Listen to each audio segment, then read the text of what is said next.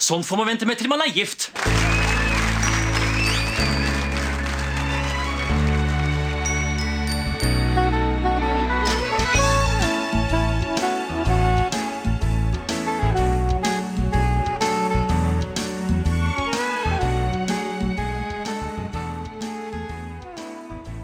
Hei, velkommen til en ny episode av Norsk film filmpodkast. Mitt navn er Emil. Jeg sitter her som alltid med Stefan heter jeg. Offpist, Pudder, Halfpipe og Rodeo McTwist.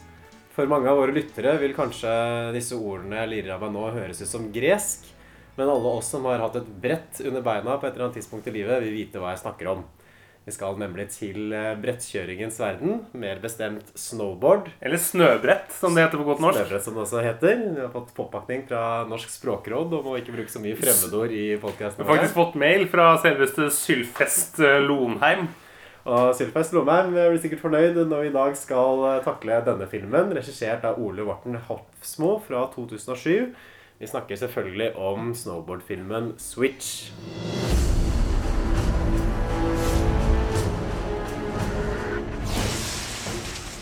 Hold deg unna Nina og bakken.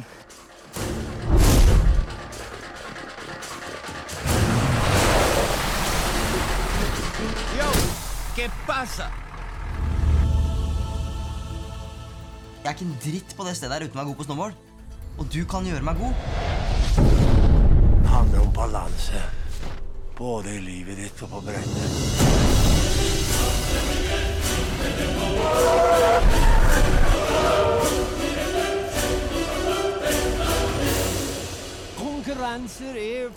Fucking shit! Men jeg måtte, da. Det Ellers var det å være en kylling for resten av livet. Uansett hvordan det går i Hemsedal, så er du ferdig her. Jeg kommer til å bruke all min tid til å fucke opp for deg.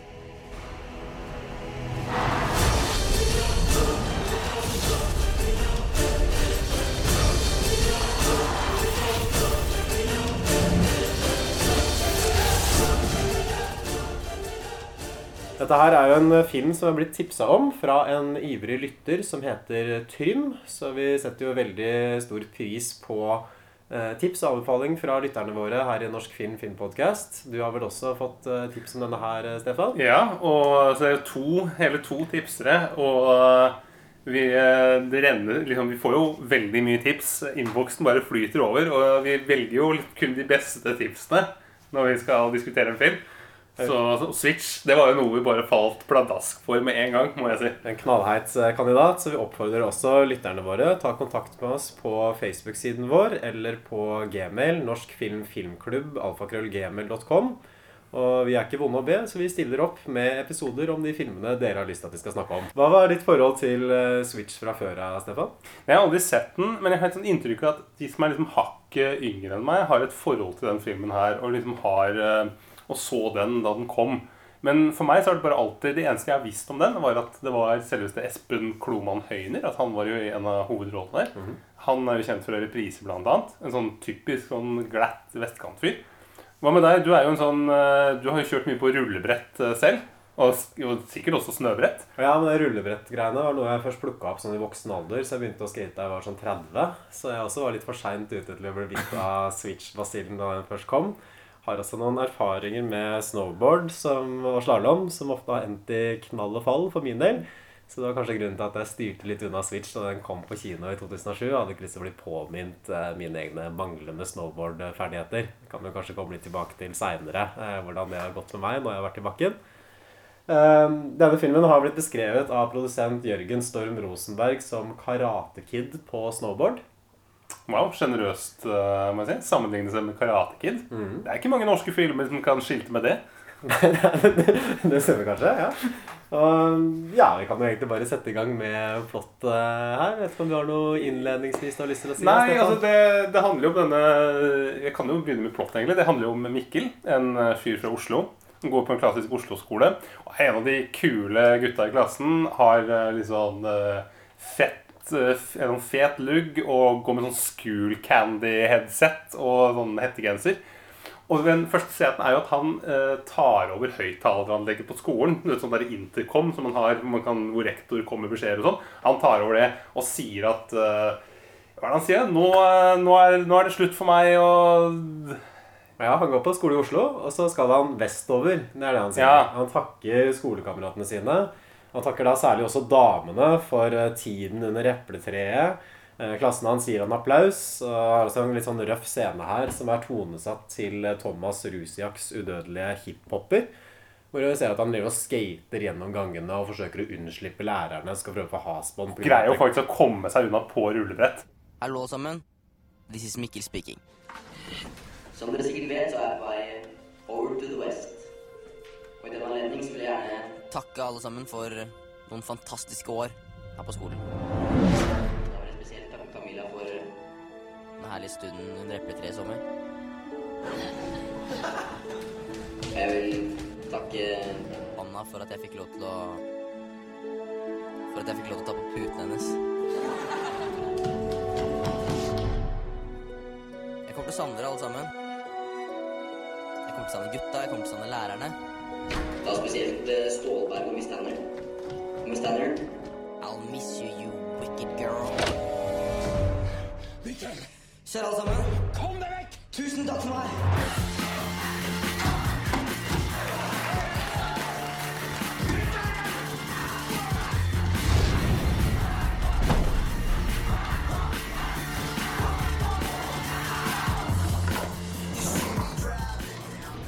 Det er jo en av sånn døv lærer sånn, i sånn strikkevest i litt sånn Elling-klær som, uh, som snakker om at uh, Ja, i, uh, i um, liksom in, Native Americans de hadde ikke LCD-skjerm og Xbox.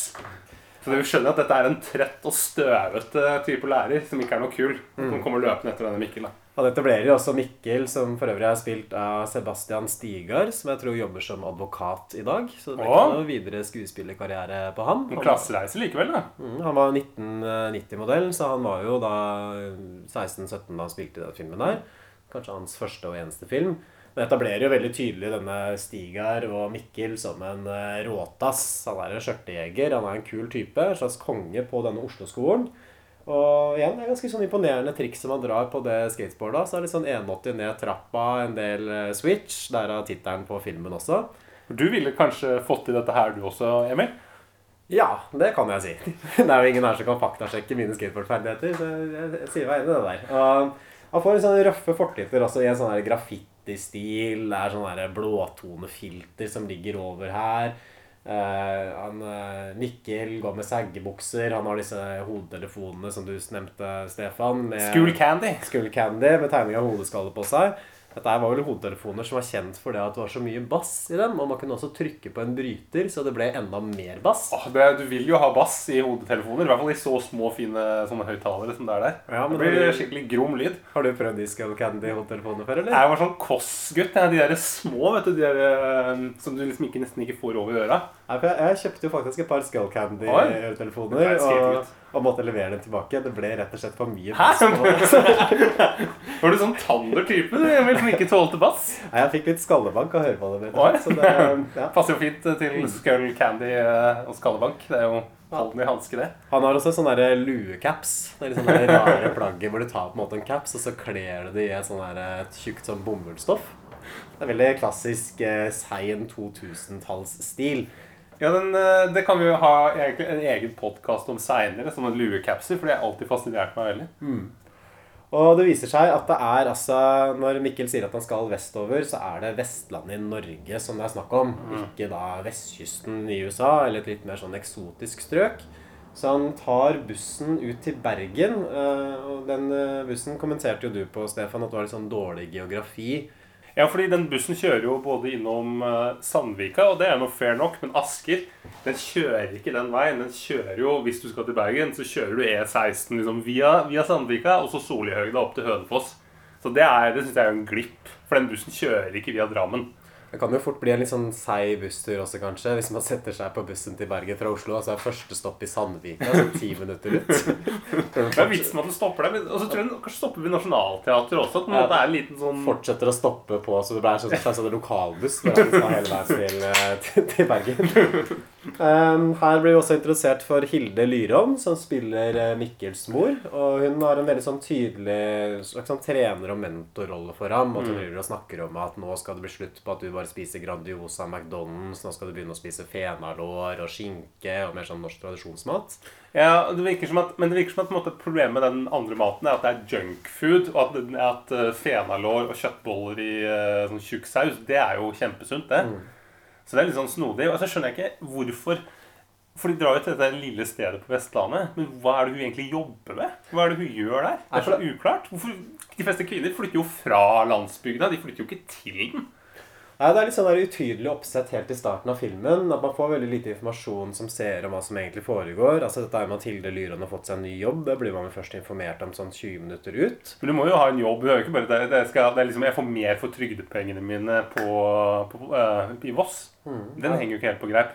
Og det blir liksom ikke etablert så tydelig at det er snowboard han skal holde på med heller. Så jeg forventa kanskje at han skulle flytte til Voss for å bli snowboardkjører, men det er jo ikke tilfellet. For det kommer han jo først inn på mer sånn etter hvert. Han er opprinnelig en skater, og så skjønner han det at han må det er snøbrett han må holde på med for å passe inn i dette lokalmiljøet. da. Ja, For det, alle gjør det. Det er ingen som står på slalåmski eller noen ting der. Men i hvert fall på denne bussturen så kommer det også inn uh, ei brunette, spilt av Ida Elise Broch. Og hun får eh, Mikkel uh, med en gang veldig skarpe øyne for. Han prøver å sjekke henne opp ved kaffeautomaten på bussen og prøver liksom å brife og fortelle henne hvordan hun skal gjøre ting. Trenger du hjelp? Ja. Trengs en del erfaring, skjønner du. Men eh, men med litt trening så lærer man seg det. Så hvis du trenger mer hjelp, så er det bare å si fra. Okay. Mikkel? Husker du melk og sukker i kaffen min? Er det moren din, eller? Jeg kjenner ikke kjerringa, ass. Miksi! Ta to suketter i til mammaen din. Det etablerer sånn ganske tydelig fra start egentlig hva som blir rollen mellom de. At han må være en typisk mann, egentlig. Ja, Belærende. Han skjønner hvordan kaffemaskinen på bussen Mm, funker. For den er jo veldig vanskelig for en enkel kvinne å håndtere. Men alt dette her blir selvfølgelig ødelagt av Hilde Lyron, eh, Mikkels mor, som ber om å ta med seg soketter til henne. Og så ler resten av gjengen på, på bussen. Så det også er sånn det gjennomgangstemaet i filmen, egentlig. Hvordan Mikkel hele tiden forsøker å sjekke opp denne Nina, som hun heter, spilt av Ida og Elise Broch. Og så blir han hele tiden liksom avmaskulinisert av moren, men også av de andre folka i Voss. For han er jo fortsatt en liten unge. Han er jo 17 år eller et eller annet sånt. Og hun kaller ham for Mixi, som er et sånt kallenavn som, han, som brukes to ganger. Som er heller ikke blir helt etablert. Nei.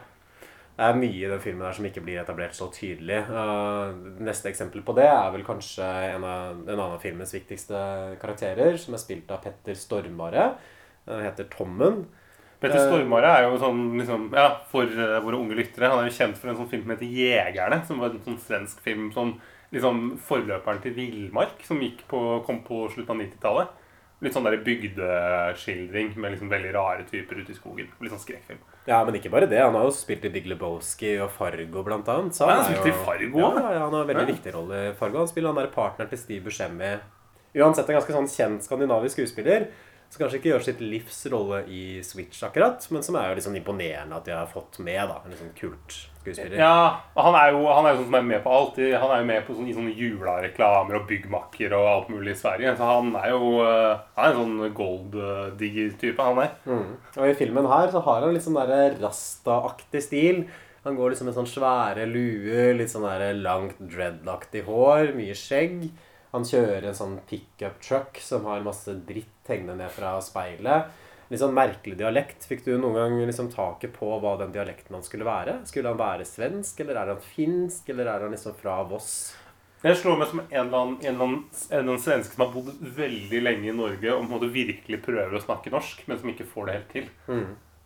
Eh, for det er jo helt sånn helt sånn rart språk. Ja. Här preppe når jeg ikke råd. Har du noen gang kjørt en preppebil förr? Nei. En gang må jo være den første. Hvor er, hvor er leiligheten vår? Der. Upp trappa. In her bor jeg. Og der bor dere.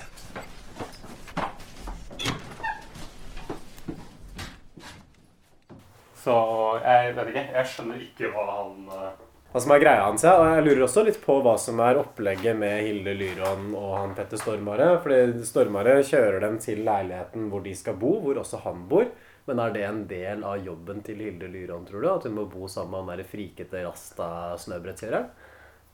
Ja, for hva gjør Hvorfor skal, hvorfor skal de bo der med han? Ja, fordi, for det virker jo liksom Det virker jo som at de har et slags At kanskje han kanskje jobbe på det der skisenteret hvor han jobber. Samtidig så ser vi han jo aldri der. Jeg ville kan- skulle se for meg at hun var sånn som kanskje jobba i kiosken på det snøbrettsenteret. Mm. Altså at det var eh, Samtidig så er det veldig langt å flytte til Voss for å få en sånn jobb.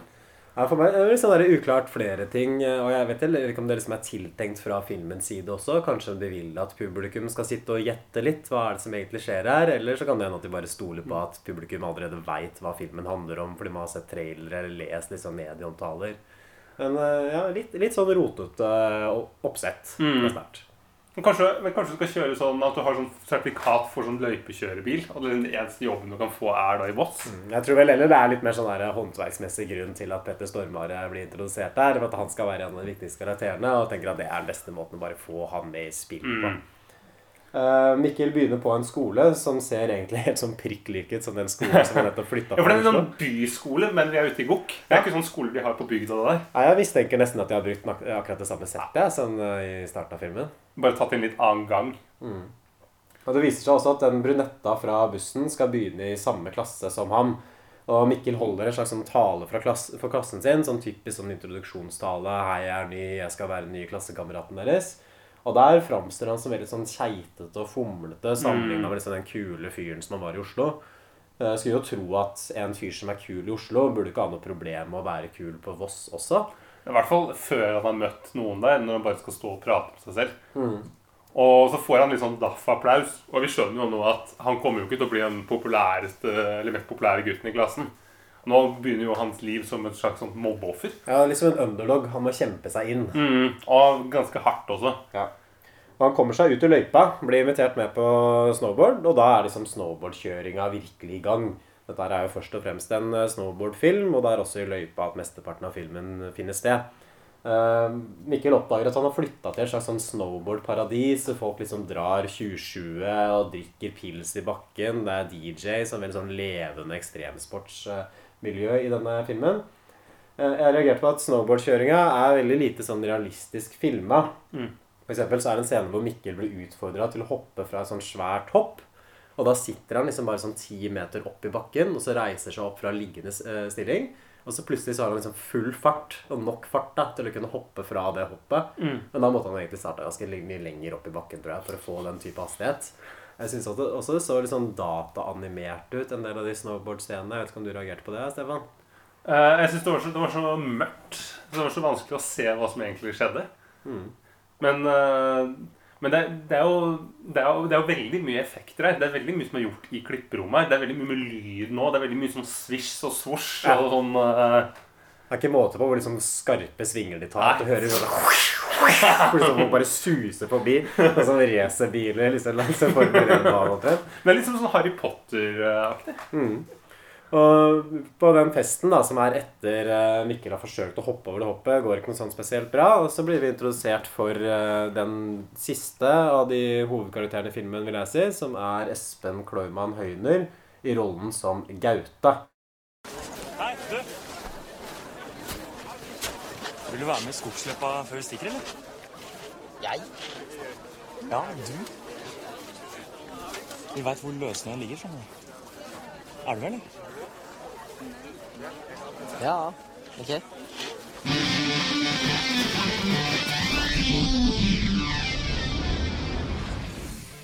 Og Gaute er også sammen med hun brunetta fra bussen, som heter Nina. Navnet hennes finner vi ikke ut før en time ut i filmen. Nei, det lanseres veldig seint. Gaute presenteres vel litt tidligere, men det er også sånn tre kvarter ut i filmen. Og dette er jo uh, Dette er jo liksom tidenes snobb. Altså, han er på en måte en uh, Uh, Altså en sånn typisk sånn glatt vestkantfyr. Litt sånn eplekjekk som alltid er liksom Alltid er liksom ovenpå. Og litt sånn ehm, sier alt med et smil, men, uh, men liksom det er gravalvor. Og liksom det er en Han, eh, han, han er en sleiping. Han er en sånn ål. Ja, Han har noe, har noe sånn ekkelt ved seg, og det er jo Mm. også noe med liksom castingen av Espen Klormann Høyner. For han spiller vel ganske den samme karakteren i Bare Bea, gjør det ikke det? Så fra Jo. 2003, Og der også spiller han litt sånn der ekkel, glatt type. Sånn Oslo Vest-fyr. Mm. Uh, Klormann Høyner hadde jo også spilt i reprise bare året i forveien. Og der spiller han en godt voksen karakter som skal forsøke å debutere som forfatter. Og det reagerer man jo umiddelbart på, i hvert fall jeg, når han introduseres. For han ser jo virkelig liksom ti år eldre ut enn både det Mikkel og hun Ida Elise Broch gjør, da, som Nina. For du lurer jo først på liksom, om hvorfor henger han på skolen her. Er han en sånn lærer altså, Er han på en måte lærer her? Jobber han og bare henger litt med de på fritiden, liksom? Er han litt sånn der, litt for glad i, uh, i lakrisen, liksom? Og myser på lakrisen? Eller er han uh, Eller liksom, har han ingen venner på sin egen alder, tenker du det?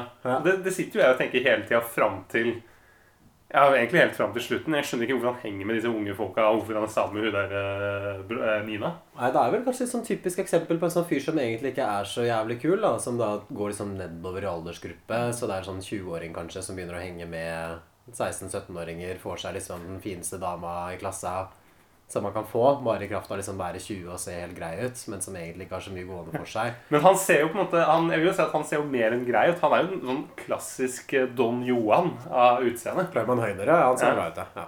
Ja, du kan, ingen kan Han er sånn derre sånn, Han er en sånn klassisk sånn han, Jeg kunne spilt i en amerikansk film som liksom en uh, uh, liksom Sexy boy next door-aktig. Kjekkas. Ja. Og Gaute plukker opp at det er noe i lufta mellom eh, Mikkel og Nina. Og han håndterer det ved at han liksom drar Mikkel med på noe sånn snowboardkjøring inn i skauen. Og her var det så mørkt eh, at jeg fikk faktisk ikke med meg helt hva som skjedde i Nei. akkurat den der kjøringa. Kanskje litt sånn dårlige lysforhold inne i leiligheten din, eh, Stefan. At vanligvis så ser vi jo filmer hver for oss, og så møtes vi for å spille inn disse episodene. Eh, Men i dag så kan jeg avsløre litt sånn behind the scenes at eh, vi hadde litt sånn dårlig tid, i hvert fall jeg hadde, så nå måtte vi se filmen før vi spiller inn episoden. Så den er helt sånn rykende fersk for oss. Men eh, i hvert fall etter mye liksom sånn fomling inne i skogen der, hvor det er liksom bare masse mørkt og svart og blått, og veldig vanskelig å se hva som skjer. Men det slutter i hvert fall med at Mikkel brekker brettet sitt, tror jeg. Mm. Og så blir han plukka opp av Peter Stormare, som er liksom bare helt tilfeldig driver og kjører rundt. Og så Peter Stormare gir han en sånn her moralpreken, og sånn kan du ikke holde på hvis du skal bli god på snowboard. Nei. Og her føler jeg liksom at intrigen blir litt etablert. da. At det er Mikkel som skal kappes med denne Gaute om å få Nina, denne brunetta. Um, og snowboardkjøringa blir liksom måten de konkurrerer på sånn seg imellom. Det er en pissekonkurranse. Sånn ja. sånn alfahann mot alfahann. Ja, nettopp. Og med Petter Stormare som en slags sånn mentor, så det er vel derav den der Karate Kid-koblinga. At det er liksom sånn Stormare blir som han Mister Miyagi, da. I Ja, Han har jo sånn flere sånne sitater. Han uh, siterer jo eh, Ibsen og sier at uh, massene har alltid feil. Og det har jo Ibsen aldri sagt, for Ibsen sa jo at uh, den kompakte majoritet har alltid feil. Så dette er jo, dette er jo misforstått. Det blir kanskje litt vel avansert å begynne å snakke om kompakt majoritet. i Det skal være sånn tenåringsfilm. Ja, kanskje. men det, Ungdommen de lærer vel Ibsen på, på videregående, gjør de Ja, ikke men kan- Hvorfor sitere Ibsen i det hele tatt, tenker jeg. For det er jo flere enn Ibsen som har sagt det der. Kan ta noe mer moderne. Ta sånn eh, Conny Rest eller uh, en eller annen sånn eh, Gaute Ormåsen eller noe sånt. Vi, vi får også en litt sånn artig birolle her. Hvor det viser at det er Bjarte Tjøstheim som spiller gymlæreren og klasseforstanderen deres. Og da spratt både Stefan og jeg fram i sofaen da vi så Marte Tjøstheim på skjermen. Han gjør vel ikke så veldig mye ut av seg i rollen, men jeg syns han ser litt sånn sliten ut. i den En sånn klam gymlærer. Ja. Og litt sånn halvfeit, litt sånn dradd i trynet. Han ser bedre ut nå, da, syns jeg, enn han Mm. gjorde i denne rollen. Han kler skjegget han har fått uh, Bjarte Tjøstheim. Mm. Men det, er i hvert fall, det, det, det fortsetter jo denne her mobbingen. ikke sant? Eh, De gutta slenger skoa til Mikkel i dusjen, sånn at man går hjem med våte sko. Eh, Det er en sånn scene hvor de er i Voss. Eh, Det skal fall være Voss. Men, det, virker, men det virker som Bergen, for det er jo, måte, det er jo smekkfullt med mennesker der. Jeg tror aldri liksom, det må jo være hele Voss som er ute den dagen der. Du skulle jo tro det var 17. mai, men da er jo ikke butikkene åpent. Og, og de der gutta tar et bilde av Mikkel mens han holder en dametruse. for Ja, fordi Hilde. Hilde Lyron ber Mikkel om å holde en truse mens hun skal liksom gjøre et eller annet annet. Det tenker jeg er jo greit når du er alenemor. Ja, så står han liksom med den trusa rett foran skrittet sitt, så det ser nesten ut som han har den på seg. Og da er det noen som liksom tar bilde av han gjennom butikkvinduet. Moro! Gøy! Og så kommer da, kommer da Nina da, og kaller han en girly boy på grunn av dette her. Så det er litt sånn interessant innblikk i ungdomskulturen kanskje anno 2006-2007. At det er veldig mye som går på det der ikke være feminin, ikke være mammadalt. Og ikke Oslo-boy, som de kaller han. Ja, ikke være homo, rett og slett. Selv om filmen sier jo aldri det, men det er jo det som på en måte er det bærende her. Hadde filmen vært ti år eh, eldre, så hadde, jo, eh, hadde han blitt kalt for homo. Men jeg har det jo akkurat, liksom, akkurat forbi det at man kunne gjøre, gjøre det. Men det er uansett en stor kontrast liksom, til ungdomsmiljøene i dag. Og inntrykk Mm. at alle driver liksom med queering og genderbending og leker med kjønnene sine hele tiden. At det er det du må gjøre for å bli akseptert. Så kanskje, kanskje litt sånn derre eh, datert aspekt ved filmen. Og det er, det er viktig å få fram at dette her er ikke noe som filmen egentlig problematiserer. Det at det er feil å være feminin og feil å være mammadalt og dårlig å ikke prestere liksom som en mann da, i løypa.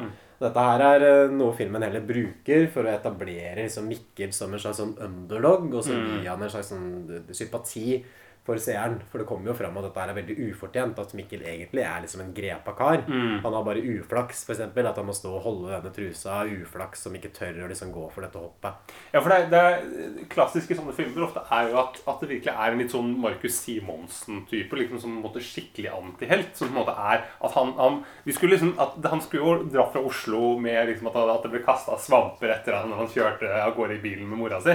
Men han er på en måte der er han en tøffing. Så dette er i utgangspunktet en kul fyr. Og da skjønner jo alle hvor, hvor dette her kommer til å gå. Men Altså- hvem er, hvem er Markus Simonsen? Ja, det er jo Klaus Hagerups eh, liksom, mest kjente karakter. Ja. Det er jo sånn eh, Det ble laget en sånn norsk film om Marcus og Diana på 90-tallet. Det er Mm. sånn um, kan si, Han ble kalt Marken på skolen. Han, han er liksom sånn mobbeoffer i klassen sin. Og sånn skikkelig sånn antihelt. Men som gjør det litt om Som likevel, på en måte, til tross for at han er en antihelt, gjør det ganske bra i livet. Ja. Han er venner med den mest populære gutten i hele klassen. Mm. Så det er jo kontraster, da. Ja, kanskje, det er, kanskje Switch er en slags sånn uformell uh, remake da, av Markus og hva var det kalt den? Markus og Eh, Diana. Markus og Diana. Klaus Mikkel, Hagerup. Mikkel og Nina. Uh, neste sånn store plottpoenget skjer vel egentlig når uh, Nina og Mikkel kysser etter at de har en sånn her romantisk snøscootertur. Uh, hun bader liksom med en gang. Hun er sammen med Gaute. Hun gjorde noe hun ikke helt ville, eller som hun ikke er villig til å ta konsekvensene av. i hvert fall, Og hun stikker av og lar Mikkel være igjen aleine midt ute på fjellet, så han må kjøre ned på snowboard. Det kunne vært ganske farlig, men det går jo overraskende greit. Det, det er ikke noe dramatikk der. Nei, det men- er langt ute ingenting. Men det tenkte jeg på sånn der, Hva, hva, hva syns du om måte den karakteren til Nina her? At eh, Hun framstår jo ikke som kanskje tidenes beste person, syns jeg. At Hvis hun har denne dragningen mot Mikkel, så hadde det riktig å være og gjort eh, Kanskje ville vært å liksom slå opp da med Gaute. Mm. Og gå inn et forhold med Mikkel istedenfor. Men hun driver hele tiden og vingler veldig mellom, mellom dem. Jeg syns også hun behandler eh, Mikkel ganske dårlig. At det er liksom dårlig gjort å bare etterlate han midt ute på fjellet der. Hun er jo ikke noe bedre enn mobberen. Hun er jo ikke noe bedre enn mobberne. Og hun, og hun henger jo bare med Mikkel når ingen andre ser at Ser henne.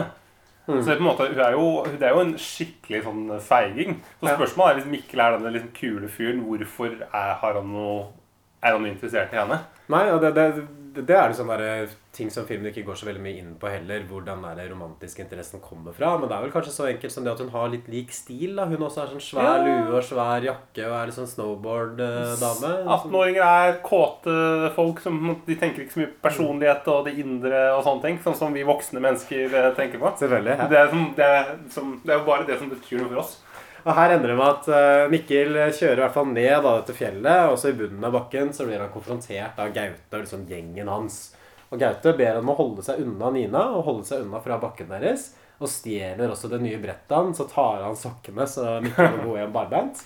Det er jo litt sånn der, eh, ondt dette her fra Gaute sin side, men det er jo også litt sånn forståelig, fordi Mikkel holder jo faktisk på å stjele dama hans. Mm. Jeg føler det er legitimt for Gaute sin del å reagere på det.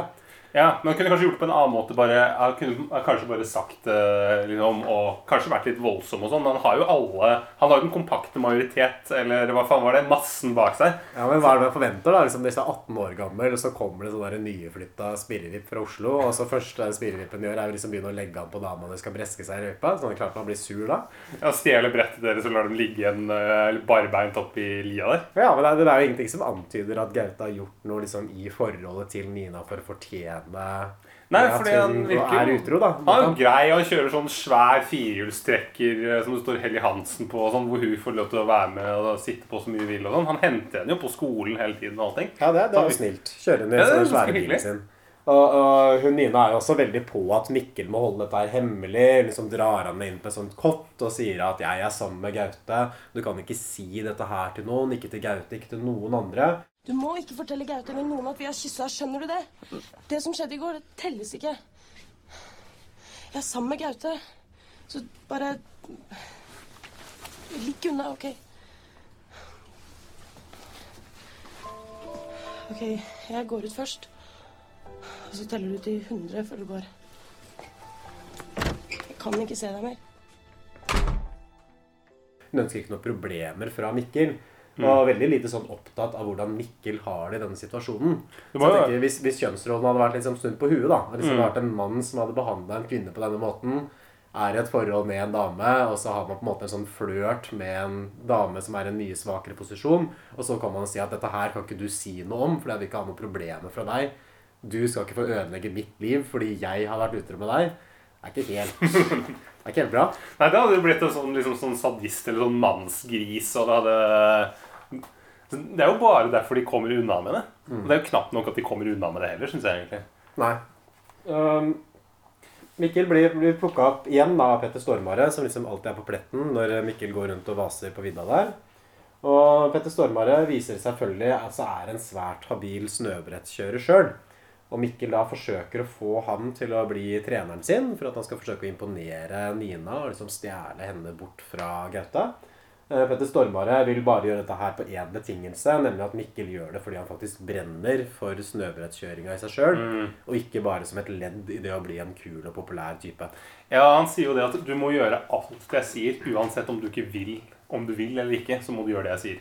Og, um, og det begynner vel med en sånn scene hvor de, liksom, de trener litt, og ser noen flotte bilder hvor de kjører rundt med litt sånn dum musikk og sånn. Ja, eller, eller først så får man en veldig lang og unødvendig scene hvor liksom Mikkel må trygle Petter Stormare. Kan du ikke være Ja, så snill å ja. trene meg? Og si Petter Stormare nei, det gidder jeg ikke. Han heller. Og så nei, kom igjen, og jeg må dette her. Og sånn går det vel sånn to, tre, fire minutter, bare sånn frem og tilbake. Og når dette her endelig beseiles, dette her at nå, nå skal Petter Stormare det skal, Jeg skal være treneren din, øh, Mikkel.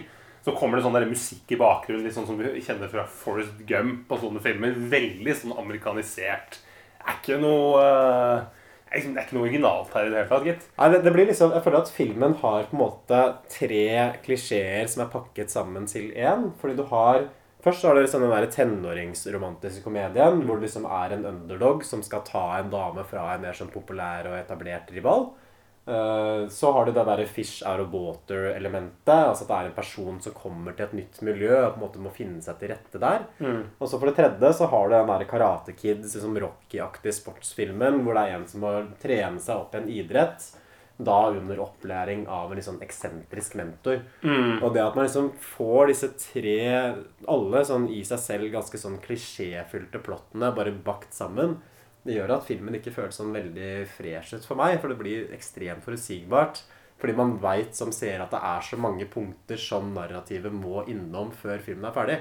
Ja, fordi det er det, den, den historien er jo vi jo vi har jo hørt den tusen ganger før, og så fortelles den heller ikke med noen sånn ironisk distanse. Det er, det er veldig alvorlig. altså de, de ser ikke dette her utenfra og tenker at dette her er litt uh, Dette har vi sett før. De spiller ikke på klisjeene. De bare, de bare dyrker dem og later som at dette er noe nytt, og dette er en kul film. Ja, og jeg syns ikke det gjør det på en sånn veldig sånn filmatisk engasjerende måte Eller. Hvis du ser første Rocky-filmen, så har du Eller er det Rocky 2? Det er kanskje vel litt sånn Eye of the Tiger-montasje når han løper opp disse trappene.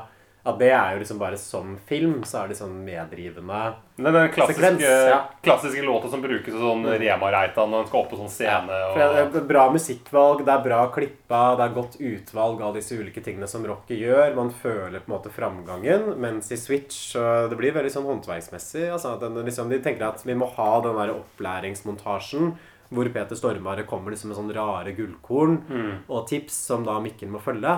Men uh, inspirasjonen i det er liksom fraværende. Og det Mm. gjør også det at hvis man veit hvordan hvor dette her går, så blir det nesten ikke vits å se disse scenene her. Man kan ikke hoppe rett over. Nei, uh, det er jo nå, nå, er det, nå det virkelig begynner å bli veldig kjedelig. Uh, og det, Moralen i filmen nå er jo den der klassiske at du må være deg selv, ikke gjør ting for å være kul.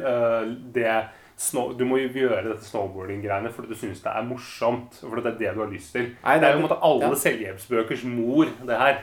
Ja, men det, det, det er faktisk litt sånn uenig i at det er det som er moralen ja. i filmen, egentlig. Fordi hvis det, hvis det hadde vært nok å være seg sjøl for å få denne Nina, så hadde jo ikke Mikkel trengt å bli med på den snowboardkonkurransen og vinne i det hele tatt.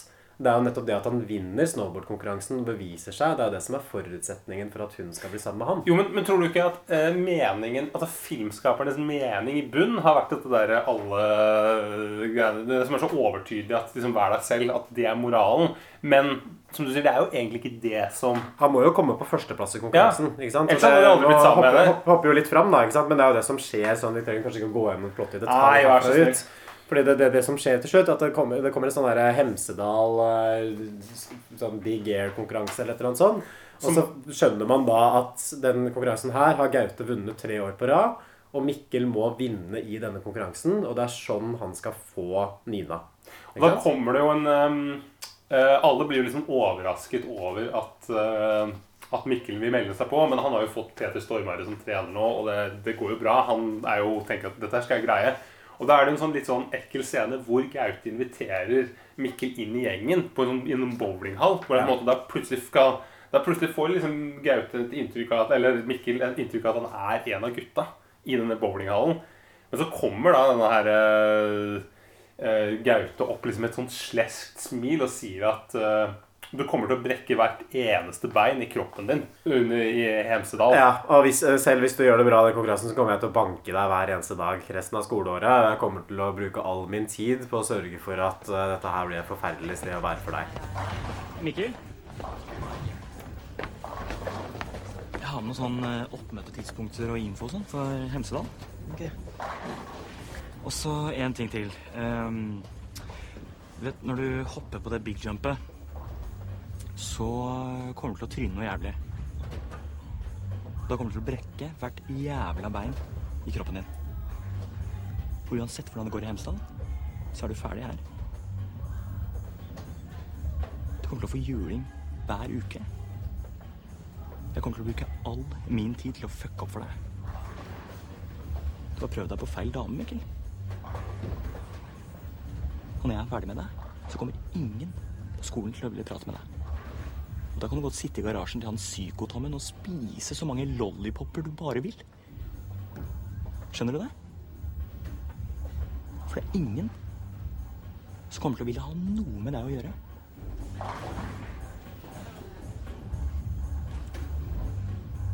Se hvordan du takler press, da.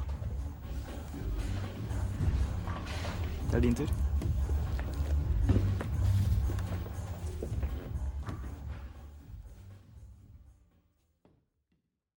Jeg må si at jeg tar meg sjøl i å heie mer på Gaute enn på Mikkel her. Altså, fordi, ja, jeg synes at Gaute har jo i hvert fall en mer sånn konkret og gjennomtenkt plan. Han veit hva han vil, mens han Mikkel bare går rundt og surrer. Han er veldig uintelligent også hvis han tror det at nå skal han og Gaute plutselig bli venner. Selvfølgelig skal ikke de bli venner. Han forsøker å ta dama hans.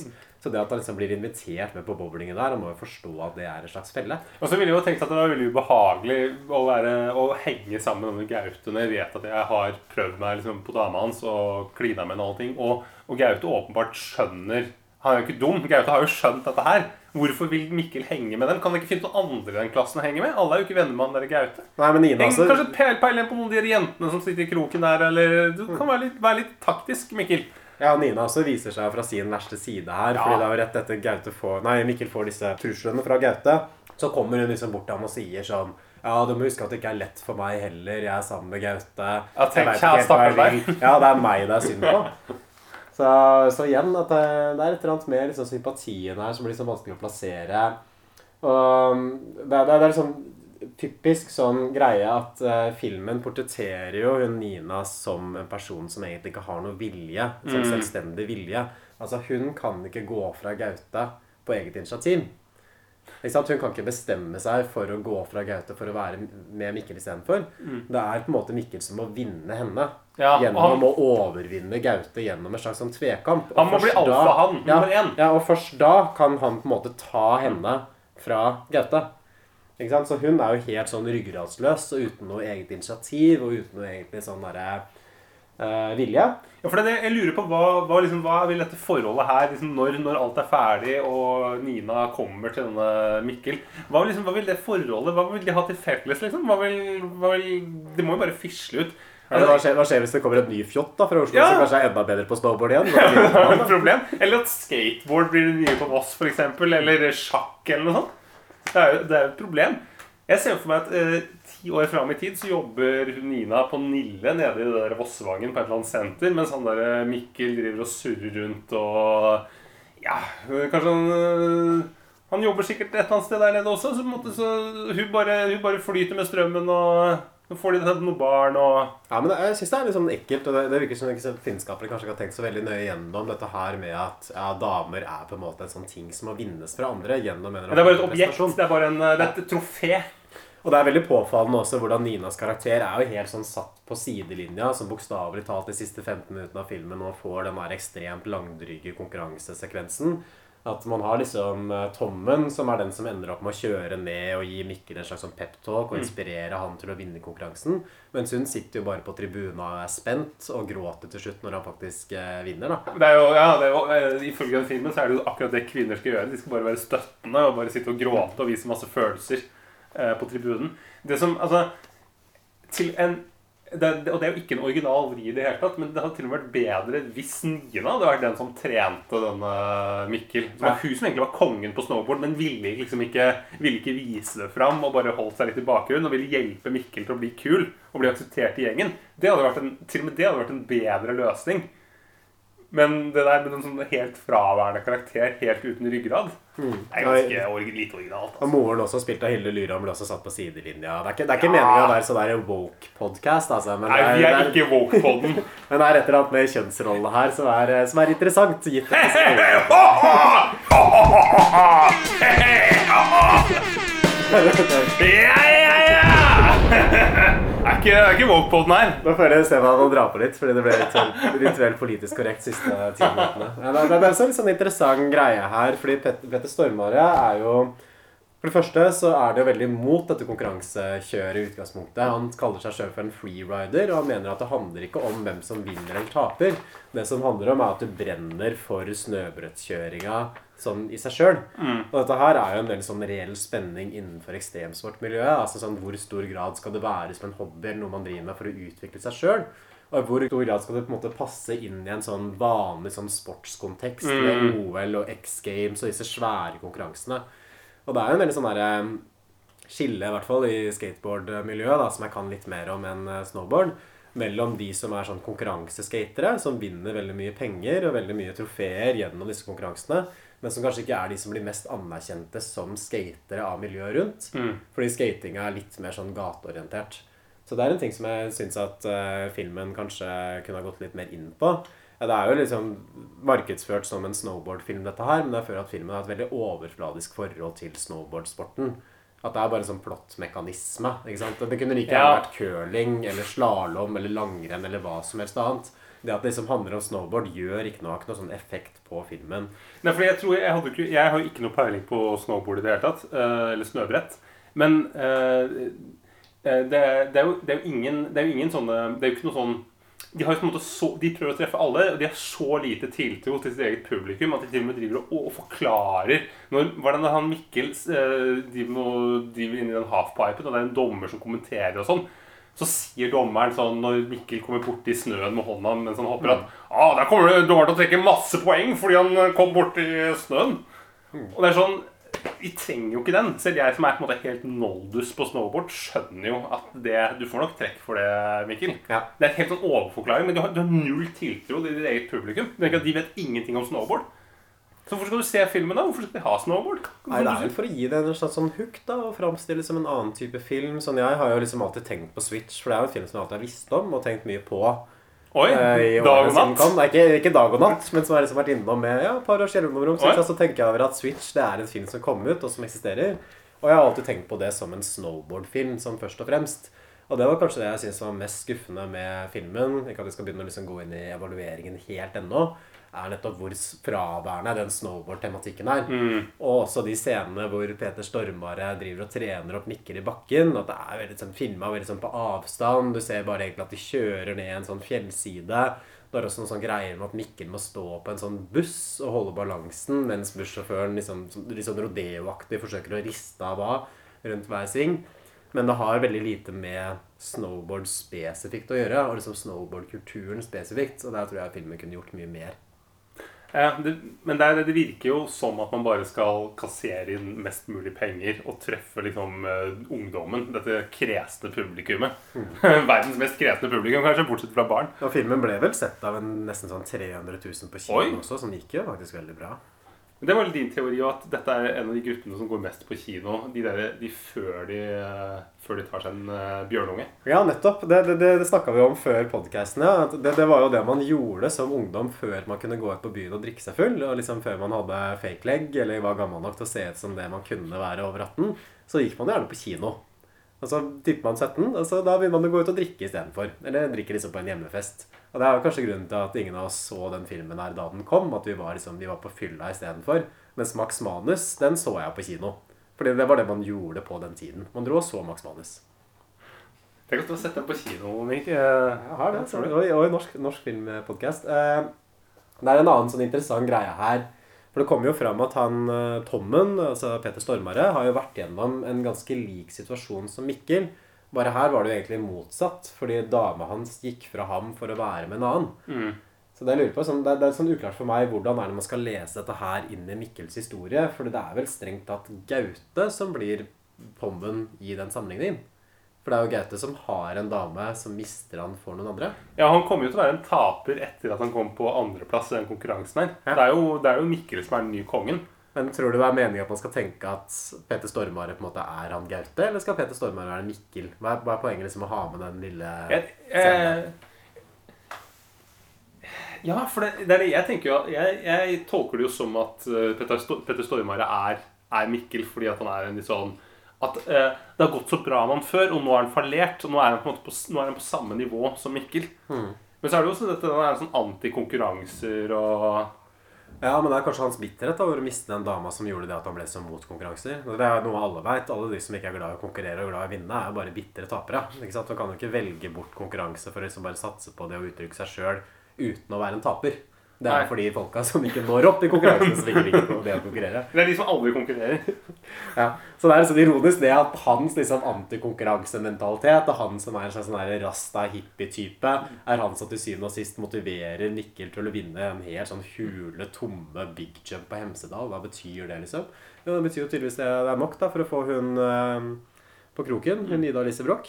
Ja, og, og vi skjønner jo det etter hvert at uh, den siste scenen er jo en sånn Her er det en sånn fin sirkelkomposisjon hvor uh, vi er på skolen igjen, og Mm. Mikkel tar over høyttaleranlegget og sier da at eh, Tusen takk for alle som måte, har gjort det så jævlig for meg her. Og jeg elsker uh, deg, Nina, og du er kjempefin. det er og sånn- Nina syns selvfølgelig det er helt fantastisk. Det er ikke kleint i det hele tatt å få den uh, beskjeden over høyttaleranlegget. Ja, Først gir han en 'haters are my motivators'-tale, rett og slett. At det var dere som dreier meg til å vinne. Og så sier han vel det her til Nina. Unnskyld for at jeg ikke skjønte at du bare ville mitt beste hele tiden. Men det er jo ikke riktig. sånn Nina har jo ikke villet Mikkels beste gjennom filmen. Snarere tvert imot. Hun har jo bare tenkt på seg sjøl. Hun er jo verdens mest selvsentrerte fyr, eller dame. Hun er jo mer selvsentrert enn denne Gaute, som bare forsvarer sitt revir. Mm. Mens hun her er jo bare som du sier, følge Dilte bestedraumen. Ja, Man kan jo kanskje forstå at Gaute oppfører seg sånn som han gjør også hvis han er sammen med hun eh, Nina. da Så det kanskje skal være til liksom at noen presterer litt bedre, så vips er hun borte. Ja, Han må jo virkelig jobbe for den der eh, Han må jo trene dag og natt han, for å ha den der førsteplassen. Hvis ikke så er det på huet og ræva ut. Jeg syns det burde kommet en Switch 2 hvor på en måte Mikkel er Gaute. Og så er det en ny person som kommer inn. Og så er det liksom Oslo, som står på bowlingbana og truer denne nye personen. Og så er på en måte man skjønner at dette bare er en sånn sirkel som går og går og går. Åh, Hvorfor har de ikke laget det? Kanskje de skal pitche det til eh, norsk film? Ja. Uh, hei, uh, fire og tre kvart, eller hva det filmselskapet heter. Mapio og Paramount. Uh, vi har en veldig god idé. Ring oss gjerne når som helst. Ja, det ble, det ble faktisk aldri en oppfølger. Og jeg tror heller ikke at den regissøren eh, Ole Martin Hofsmo lagde noe mer film. Så Ja. Det er i hvert fall ikke spillefilm. Det er faktisk han som har regien på The Fox-videoen, tydeligvis. Visste du det? Oi. Det har han gjort det skarpt etterpå. Men regien er jo den som Jeg har alltid tenkt over når jeg ser den filmen, at eh, den eh, musikkvideoen, at den er veldig god. Veldig Ja. god regi. I hvert fall, jeg føler jeg kanskje det er litt sånn rot der, da. Men det, det som skjer, er at Mikkel vinner denne konkurransen. Han tar en switch one-foot backflip. Det er kanskje der navnet på filmen kommer fra. Switch. Og så holder han denne talen, og så kysser han og Nina, og så er filmen ferdig. Men hvorfor tror du filmen heter Switch?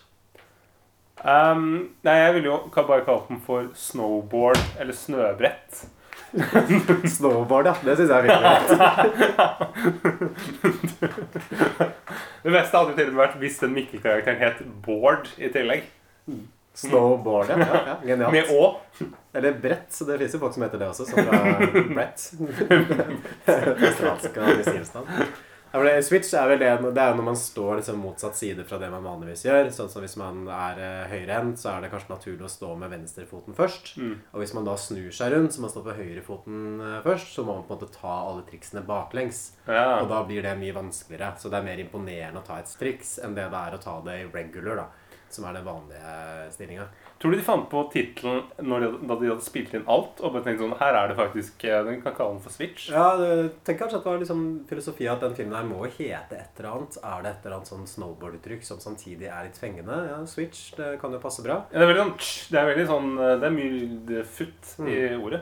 Og det spiller jo kanskje litt på at, det at han Mikkel må på en måte snu seg liksom bak frem da, for å komme i det miljøet. Han på en måte kommer ut av Oslo-miljøet hvor han er kongen og liksom skater ut i gangene. Her må han finne på noe nytt. ikke sant? Bryte ut av det vante og prestere på ting som han i utgangspunktet ikke er så komfortabel med. Så Sånn sett så kan man jo kanskje si at filmens tittel gir mening. Ja, det er veldig godt tenkt. Jeg ble helt eh, liksom overvelda av den analysen. Den var veldig god. Ehm, ja. Gjenstår det å si noe særlig? Terningkast på dette her. Eh, for meg så er jo dette her en, ehm, en, en svak toer. Det er jo helt, en helt Vi har hørt historien en million ganger før. Det er ingenting nytt. Jeg, eh, bortsett fra de liksom, første 20 minuttene, som nesten alltid er bankers i en film, så sitter jeg bare og kjeder meg, for du vet hva som skjer. Det er forutsigbart, og så kommer denne Forrest Gump-musikken i bakgrunnen. Som jeg bare får. Det er på en måte en, det er en norsk Hollywood-film. Bare at de gjør det så jævlig dårlig. Ja, jeg er nok enig i at det er på toeren eh, vi skal. Altså, jeg synes Første halvdelen av filmen så var jeg litt med på det. Bare for at jeg synes Det var liksom, det er en sånn nostalgi å liksom gå tilbake til den perioden der i Norge. I Mm. For oss som har vokst opp omtrent på det tidspunktet. Liksom Med den der tidlig 2000-tallsgreia. At det er liksom sånn uskyldstid. Og det er liksom en helt annen ungdomskultur enn det man har nå. Ja. Ting var ikke så innmari politisert. Ting føltes ikke så farlig ut. Ikke sant? Man hadde bare sånn vanlig konflikt med lærere. Det var før liksom, man ble så utrolig klar over dette her med klimaødeleggelser, sånn Trump, høyrepopulisme, rasisme og sexisme og alt det der. Ja, det verste som skjer, er at det bare kommer en sånn, der, liksom sånn Sony Eriksson Walkman-telefon og tar et bilde av noen med en truse i sånn veldig sånn 1 megapixel-oppløsning. Du kan ikke Nei. gjøre så mye med det bildet annet enn å bare ta det. Ja, nettopp. Det, det, det er litt sånn uskyld ved den tiden sett fra dagens perspektiv. Og filmen blir jo en sånn tidskapsul også. Jeg tror ikke de har liksom prøvd å fange en bestemt tidsånd i det hele tatt. Men bare fordi at filmen er laget på det tidspunktet den er laget, at den liksom så utilslørt forsøker å liksom rette seg mot datidas ungdomskultur, så får det en viss sånn der, nesten sånn dokumentarisk eh, verdi eh, ved å vise fram en sånn æra som i hvert fall jeg husker med litt nostalgi. Men eh, nei, den siste timen der er drøy, altså. Sånn etter liksom alle plottelementene er dratt i gang, og man begynner å skjønne hvor dette her skal på vei, så kunne man egentlig bare avslutta filmen etter en halvtime og bare komme med sånn tekstplakat. Mikkel vinner konkurransen, han og Nina blir sammen, filmen er ferdig. Så nei. Eh, Terningkast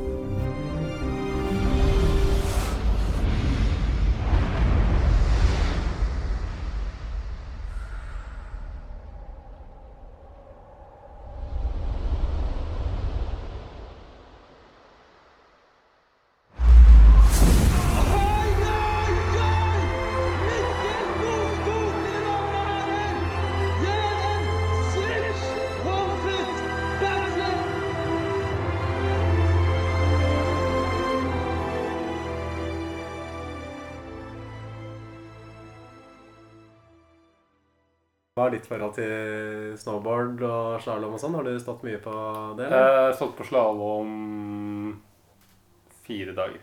Fire Etter dager? Ja, etter hverandre. Ja. Når var dette? Jeg gikk på folkehøyskole. Det var i Oppdal i fire eller fem dager. Mm. Og da, Jeg hadde veldig bratt læringskurve. Jeg, jeg, læreren min sa at jeg, jeg var den som kjørte Som måtte, kjørte fortest på kortest eh, tid. Ja, for du klarte ikke å svinge, så du kjørte rett ned. jeg var jævlig rask. Ja, for det er, det er jo morsomt liksom, med slalåm og snowboard. For det er ofte sånn som man lærer det, er jo liksom at man tar jo heisen opp langt helvete opp i fjellet, og så må man bare komme seg ned på et eller annet måte. Ja, Du kommer deg stort sett ned, gjør du ikke? Ja, men du må jo, du må jo bare komme deg ned Ja. på så best man kan, for det er ikke noen måte å liksom komme seg ned igjen utover det, og du kan jo kanskje ta av deg snowboardet og bare gå ned, men det er det ingen som vil. Nei, det tar jo veldig lang tid da. Det tar jo flere timer, gjør det ikke? Jeg, hadde en sånn episode da jeg skulle kjøre slalåm. Det var vel kanskje på sånn starten av ungdomsskolen omtrent. Og så fikk jeg noen slalåmski som var altfor høye for meg. At de rakk meg, rakk meg liksom til over huet. Um, så det, det var liksom ikke en ski som jeg skulle gå på, da. Men eh, i hvert fall jeg prøvde. Og så kom jeg liksom opp i for stor fart. Og så var det en sånn sving inn til en heis. Jeg skulle liksom enda høyere opp av en eller annen sånn idiotisk grunn. Så jeg tenkte å ta den liksom heisen opp til det røffeste området. Men eh, før det så var det sånn sving, og så nedenfor den svingen så var det sånn ganske sånn bratt nedoverbakke skogholt. Og så syntes jeg at jeg hadde litt for stor hastighet for å kunne peile meg liksom inn på den svingen ordentlig, så jeg prøvde å sette meg ned. Uh, bare sette meg på rumpa. Og da, og da var de slalåmskia de var så lange, så jeg, så jeg rakk ikke ned til bakken med rumpa mi. Så det som skjedde, var at jeg bare tok et sånn rett sånn høyre ut, rett ut fra den der skrenten og ned dette skogholtet. Oi! Da bestemte jeg meg for å ikke, ikke ta heisen lenger opp, men komme meg ned istedenfor. Men jeg klarte å gjøre det samme igjen da jeg kom ned til bunnen av bakken. For da var det sånn barnefamilie som satt og grilla noen pølser. Ja, og De satt liksom med den der pølsegrillen, og da tenkte jeg skulle gjøre samme triks igjen. og sette meg ned for å liksom prøve å stoppe opp farten. Og da tok jeg igjen en sånn hard sving og endte opp med å kjøre skia rett over grillen til den der barnefamilien. Så han, mannen som satt og grilla der, ble jo gjerne irritert. Så så jeg gjorde det med vilje. Bare tok en sånn kjapp sving over grillen deres. Så Ødela du grillen deres da? Ja, jeg kjørte en pølse. Hva gjorde du? Stoppa du og sa unnskyld, eller kjørte du bare Nei, videre? jeg, jeg, jeg bare stakk Cause